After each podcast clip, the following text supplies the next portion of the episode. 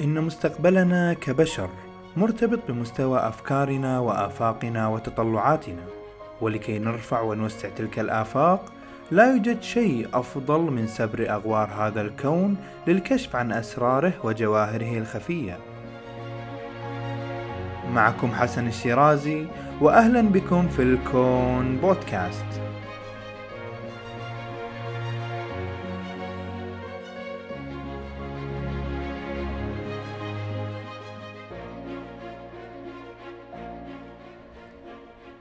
السلام عليكم واهلا وسهلا بكم في هذه الحلقة الجديدة من الكون بودكاست.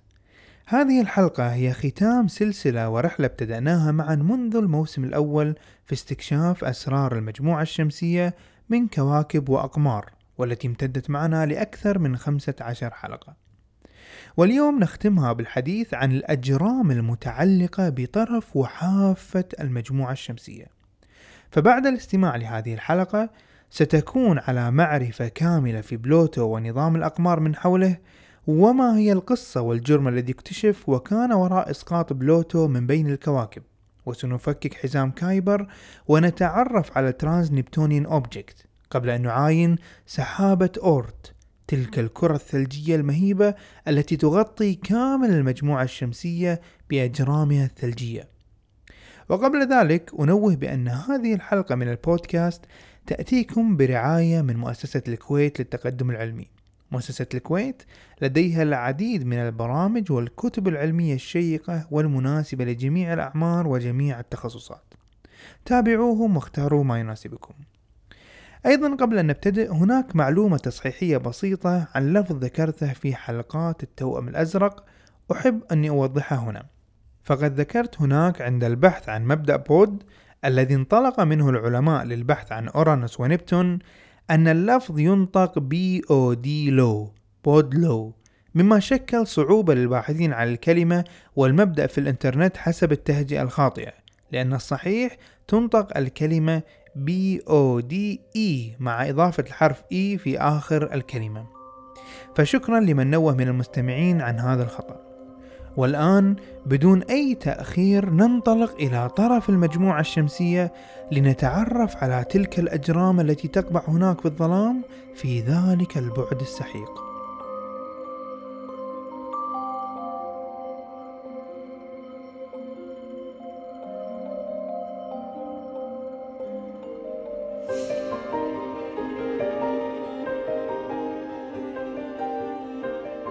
الكشف عن بلوتو ورائه قصة طويلة ولكن ولأن العلوم التي تصاحب الكشف عنه مشابهة للتي سردتها في حلقات التوأم الأزرق فسأقتصر هنا في حلقة اليوم بالاختصار في سرد هذا الموضوع بالتحديد قبل الانتقال إلى مواضيعنا الأخرى. فالقصة وراء اكتشاف بلوتو تبتدئ مع بداية القرن العشرين عندما اكتشف العلماء ومنهم الأمريكي بيرسيفل لويل بعض المشاكل في حركة كوكبي أورانوس ونبتون في مسارهم. فكما حدث مع أورانوس من شذوذ في حركته وجعل العلماء يتنبؤون بوجود نبتون في قصة مفصلة ذكرتها في الحلقات الماضية كذلك الشذوذ غير المتوقع في حركة نبتون أدى إلى أن يتنبأ بيرسيفل لويل لوجود كوكب تاسع خلف نبتون يؤثر عليه جاذبيا ويجعله يتخذ هذا السلوك الغريب في حركته. فأسماه حينها بالكوكب إكس وحاول البحث عنه في الأعوام 1906 إلى العام 1916 ولم يفلح بالعثور عليه. فجاء من بعده الفلكي تامبو ليكمل مسيرة البحث عن هذا الكوكب والذي كان يعمل في نفس مرصد لويل في أريزونا. وكان التكنيك الذي يستخدمه بأن يصور جزء من السماء وفي اليوم التالي يصور نفس الجزء في نفس التوقيت ويلاحظ تحرك النجوم من مواضعها. فإذا كان هناك جرم تحرك من الموضع الذي يفترض أن يكون متواجد فيه فذلك يلغي احتمالية كونه نجما ويرجح بأن هذا الجرم كوكب. وهو ما حدث بالفعل عندما مسح السماء بنفس الموضع الذي كان يعتقد العلماء وجود الكوكب فيه ليكشف عن وجود الكوكب الذي كان ينتظره العلماء بفارغ الصبر. أما بالنسبة للاسم فاللطيف في الموضوع أنه تم اقتراحه من قبل فتاة تسمى فينيتيا بيرني وكانت حينها تبلغ من العمر 11 عاما فعندما سمعت باكتشاف كوكب جديد من أباها فاقترحت عليه الاسم بلوتو نسبة إلى الآلهة الرومانية من الأسطورة التي تحكم العالم السفلي كناية عن بعد الكوكب المكتشف. أعجب والدها بالاقتراح ونقل الاسم لصديقه الذي كان يعمل في نفس المرصد الذي اكتشف فيه الكوكب. ومن هناك استحسن العلماء الاسم وبالفعل تم تسميته بهذا الاسم في الرابع والعشرين من شهر مارس عام 1930 وعلى إثر ذلك تم مكافأة فينيتيا بجائزة قدرها خمسة باوندات نظير اقتراحها للاسم. تمضي الأيام والمجتمع الفلكي والمناهج الدراسية والأوساط العلمية تعتبر المجموعة الشمسية مكونة من تسعة كواكب. وبعد توالي الأعوام وإذا بالعلماء يكتشفوا وجود أجرام أكبر من بلوتو مثل ترايتون قمر نبتون وغيره من الأجرام إلى أن جاء العام 2003 عندما تم اكتشاف جرم يسمى UB313 والذي سمي بعد ذلك بإيريس وهو أكبر من الكوكب بلوتو ويدور أبعد منه بثلاث مرات. فاحتار العلماء بتصنيفه هل يعتبر كوكب عاشر في المجموعة الشمسية أم أنه مجرد كويكب أم قمر لكوكب لم يرصد بعد أم ماذا بالضبط؟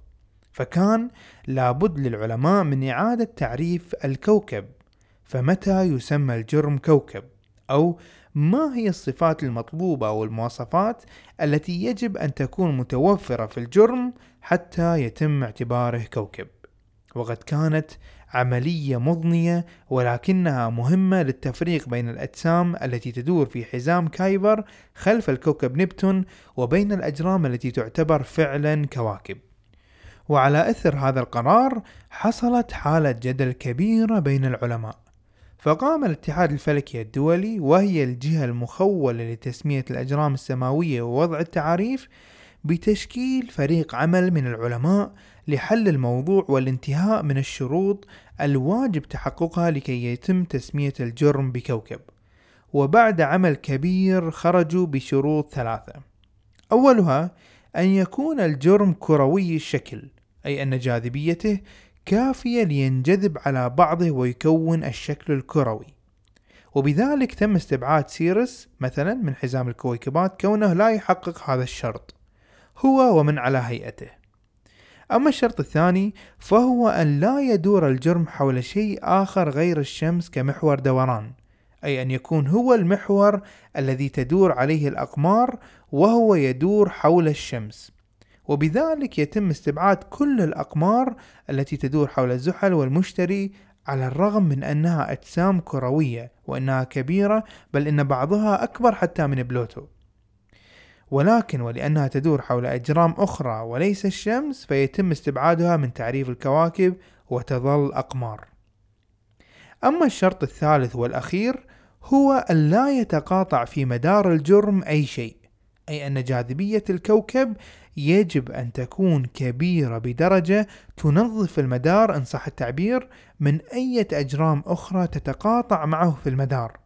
مثال ذلك: الأرض أو المريخ أو حتى عطارد فنجد في أن الأرض ونحن ندور في فلك لا يتقاطع معنا جرم آخر فيه صحيح بين الفينة والأخرى يمر مذنب بجانبنا أو يصطدم بنا شهاب ومشاكل ولكن كلها أجرام عابرة وليست مستقرة في المدار معنا. وهذا هو الشرط الذي عجز بلوتو عن تحقيقه وأسقطه من تصنيف الكواكب. فعندما نحلل حركة بلوتو في مداره نجد أنه في نفس المدار هناك أجسام أصغر منه تسمى بلوتينوس لم تستطع جاذبية بلوتو أن تضمها كلها في جرم واحد وبالتالي يجعله يخرج من تصنيف العلماء أو تعريفهم للكوكب. وهو ما تم الإعلان عنه في عام 2006 بأن بلوتو أصبح يصنف ككوكب قزمي ولم يعد كوكب بعد اليوم وسط ضجة من اعتراض ومحبين بلوتو ودعواتهم المستمرة إلى يومنا هذا لإرجاعه بالتصنيف بين الكواكب.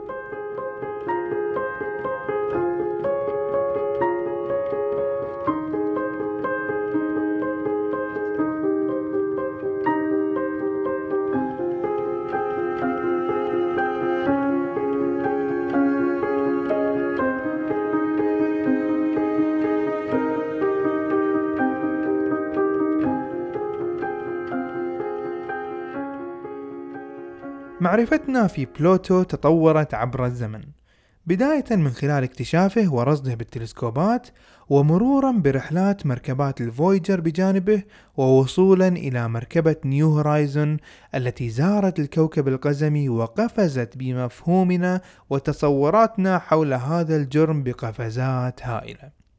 وغيرت الصورة النمطية حول هذا الجرم وأرجعت الحنين للكثير من هواة الفلك لتصنيف الجرم مرة أخرى بكوكب. مركبة نيو هورايزون انطلقت من كوكب الأرض في يناير من العام 2006 ووصلت إلى بلوتو بعد رحلة استمرت تسعة سنوات وهي تسبح في الفضاء لتصل إلى نظام وفلك بلوتو في يوليو من العام 2015 ومن هناك أرسلت إلى الأرض صور جميلة جدا وخلابة لتأسر قلوب العلماء وهواة الفلك.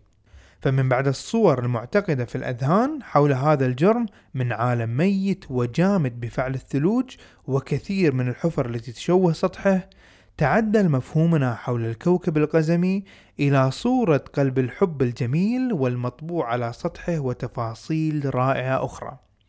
وسنأتي على تفصيل هذا القلب المشهور بشكل أكبر بعد قليل فلقد حصل على اسم رسمي من اتحاد الفلك الدولي وتبين بأنه بحيرة متجمدة. ولكن سأستعرض تفاصيل بلوتو بشكل أكبر ثم ننتقل إليه. حجم بلوتو لا يتعدى حجم جارنا القمر بالأرض فهو أصغر منه بالقطر ويعادل 2370 كيلومتر. أما بالنسبة للمحيط فيبلغ 7544 كيلومتر. فإذا أردت أن تأخذ دورة حول خط الاستواء في بلوتو فستأخذ مسافة أكبر بقليل من المسافة التي ستقطعها من الكويت إلى الصومال تقريبا. أما كتلته فهي على غير العادة بالنسبة للأجرام التي تصطف أبعد من المريخ. فكتلة بلوتو صغيرة جدا وتعادل خمس كتلة الأرض.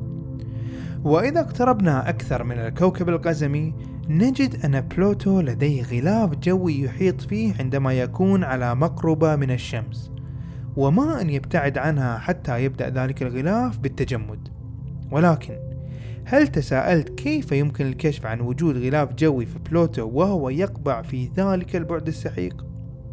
في الحقيقة فإن العلماء كشفوا عن هذا الغلاف حتى من قبل إرسال المركبة نيو هورايزن فقد استطاعوا فعل ذلك بمعاينته من الأرض وذلك عن طريق رصد ومتابعة بلوتو عندما يمر من أمام النجوم. فعندما تكون النجوم بالخلفية وبلوتو في المنتصف ونحن نراقب بالأرض فإن مر هو من أمام النجم فإن النجم يختفي أو تتغير ألوان الطيف التي نرصدها. وبتحليل ذلك نستطيع معرفة وجود غلاف جوي. وليس ذلك فقط بل معرفة مركبات هذا الغلاف. ولكن كما ذكرت تطور معلوماتنا والنقلة في فهم هذا الجرم حصلت مع نيو هورايزن فالعلماء أعلنوا بعد استقبال المعلومات من نيو هورايزن والعكوف على تحليلها بأن الكوكب القزمي يحتوي على غلاف جوي مكون من طبقات. ولكن ليست هذه هي المعلومة الغريبة التي تعجب منها العلماء بل هناك خاصية ومعلومة غريبة مرتبطة في هذا الغلاف.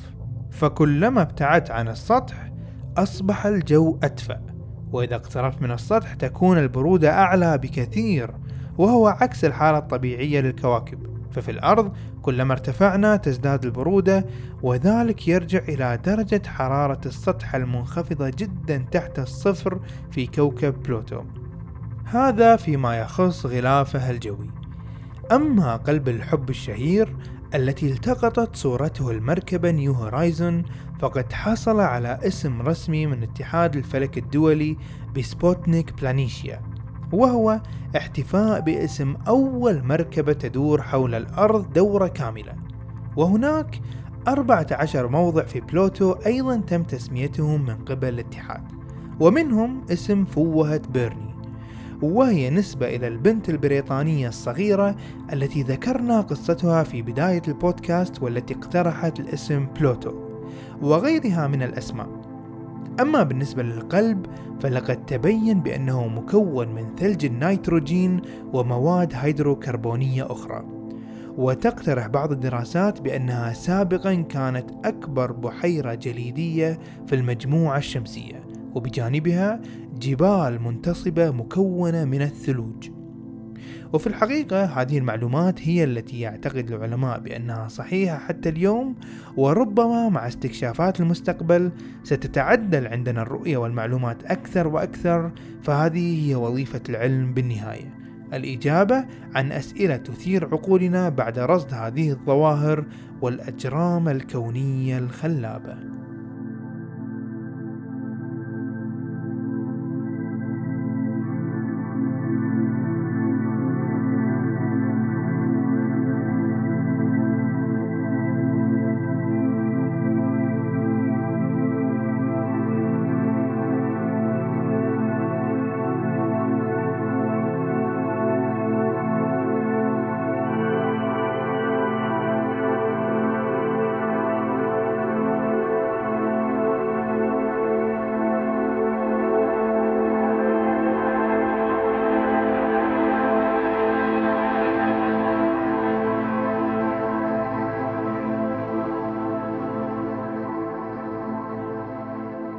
ننتقل الآن إلى أقمار بلوتو والحديث عن أقمار بلوتو غريب نوعا ما فهو بالكاد يكون كوكب قزمي فكيف له أقمار؟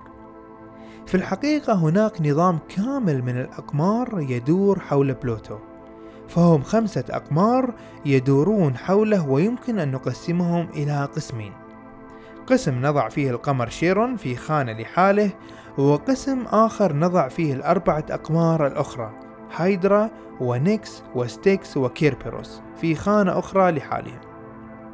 فشيرون وبلوتو أفضل وصف لهم بأنهم نظام ثنائي يدور حول بعض أكثر من أن شيرون يدور حول بلوتو وذلك بالنظر إلى أحجامهم. بقطر 2300 كيلو متر لبلوتو و 1200 كيلو متر لشيرون أي تقريبا نصف حجم بلوتو تقريبا. فعادة ما يكون الكوكب أكبر من ذلك بالنسبة للقمر التابع له. والإثنان يدورون حول مركز جاذبية مشترك بين بعض وحركتهم مقفلة أي أن الإثنان يطلان على بعض من جانب واحد إلى الأبد مثل إطلالتنا على القمر من جانب واحد وعدم قدرتنا على رؤية الجانب الآخر. وبتحليل كل هذه الخواص يقترح العلماء بأن شيرون قد تكون من خلال اصطدام جرم ببلوتو في وقت سابق وصنعا معا هذا النظام الثنائي. هذا فيما يخص شيرون. أما الأقمار الأخرى فهي أقرب إلى قطع صخرية أصغر بالحجم وتدور حول بلوتو لا تتعدى أقطارها عشرات إلى مئة كيلو متر جميع هذه الأقمار كانت مكتشفة قبل إرسال المركبة نيو هورايزون إلى الكوكب القزمي. فكانت كل الآمال والتطلعات من العلماء بوجود أقمار أخرى سوف تكتشف أو تكشف عنها صور المركبة. فلذلك عندما اقتربت المركبة من بلوتو بدأ العلماء بالتصوير بكثافة لتجميع الصور وتحليلها والنظر فيما إذا كانت المركبة قد تتقاطع في مسارها مع أحد مسارات الأقمار الجديدة حتى يتسنى لهم عمل المناورات لتفادي الاصطدامات ودمار المهمة قبل وصولها. ولكن المفاجأة كانت أنه لا يوجد أكثر من هذه الخمسة أقمار التي تم الكشف عنها من قبل تلسكوب هابل والمراصد الأرضية سابقا. فحصل نوع من الإحباط لدى الهواة ولكن على أي حال قامت المركبة بعمل كبير جدا حول الأقمار فقد قامت بدراسة أعداد الحفر والفوهات على أسطح هذه الأقمار. وتقريبا يمكن الخروج بنتيجة أن أعمارها متقاربة. فدراسة أعداد الفوهات وتوزعها على الأسطح بشكل عام هي أحد الطرق لتحديد حقبة أو وقت نشوء الجرم بالمقارنة مع الأجرام الجارة له. فكلما ازداد عدد هذه الحفر فذلك يعني أنه تعرض لعدد أكبر من الاصطدامات مع أجرام أخرى مما يزيد من احتمالية قدم هذا الجرم. وهنا في حالة أقمار بلوتو فإن أخذ هذا المنظور لاحتساب مدة نشوء هذه الأقمار يعطي دلالة على أنهم نشأوا بنفس الفترة تقريبا. وهم في حالة تناغم بالحركة أي عندما يقطع أحدهم ثلاث دورات حول بلوتو يكون الآخر قد قطع أربع دورات والقمر الذي يليه يكون قد قطع خمسة دورات. هذه الحالة شرحتها سابقا لا أذكر بالضبط في أي حلقة ولكن أرجح أنها ربما تكون في حلقات عوالم زحل أو عوالم المشتري. لتشابه نفس الخاصية الحركية لبعض الأقمار مع كواكبها المشتري أو زحل. هذه تقريبا أهم خصائص بلوتو ونظام الأقمار من حوله وبعد قليل سنتعرف على موقع بلوتو في المجموعة الشمسية.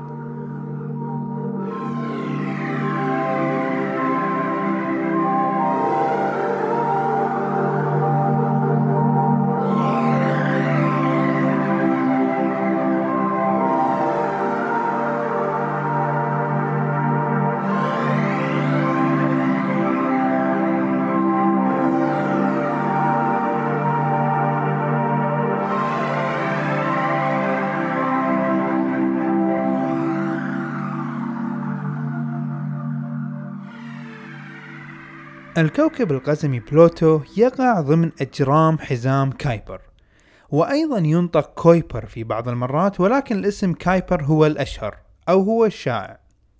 ولكن ما هو حزام كايبر؟ كايبر عبارة عن مجموعة كبيرة جدا من الأجرام الثلجية تدور في فلك بعيد جدا عنا. ولكن الفلك الذي تدور فيه الأجرام ليس على مستوى مسطح واحد. بل هناك سماكة لهذا الحزام يعطيه شكل أقرب لشكل حبة الدونت وهو يدور حول الشمس.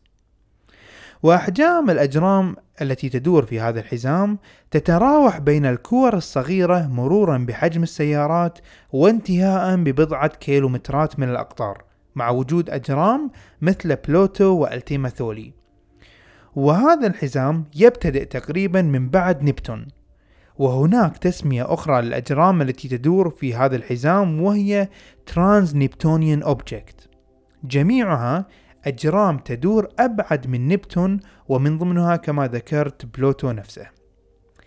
الأجرام الثلجية التي فيه تكون مثل مكونات المذنبات خليط من الثلج والصخر والأمونيا. ولفهم كيفية تكون هذا الحزام يجب أن نرجع بالزمن إلى وقت تشكل المجموعة الشمسية.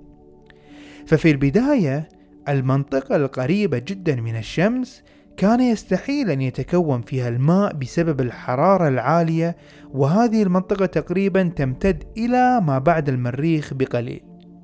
وتقريبا من هناك الأجواء تسمح بتكون الثلج ولكن بسبب جاذبية الكواكب العملاقة فإن الأجرام الثلجية أو المذنبات كانت ترمى بعيدا. ويتبقى لها مكان وحيد لتتجمع فيه بدون التأثر بحرارة الشمس أو بجاذبية الكواكب العملاقة واستقرت هناك في الحزام الذي نطلق عليه اليوم بحزام كايبر. هذه إحدى الزوايا التي يمكن النظر إليها لتكون الحزام. وأهمية الأجرام التي تدور في حزام كايبر كبيرة جدا للحياة في كوكب الأرض.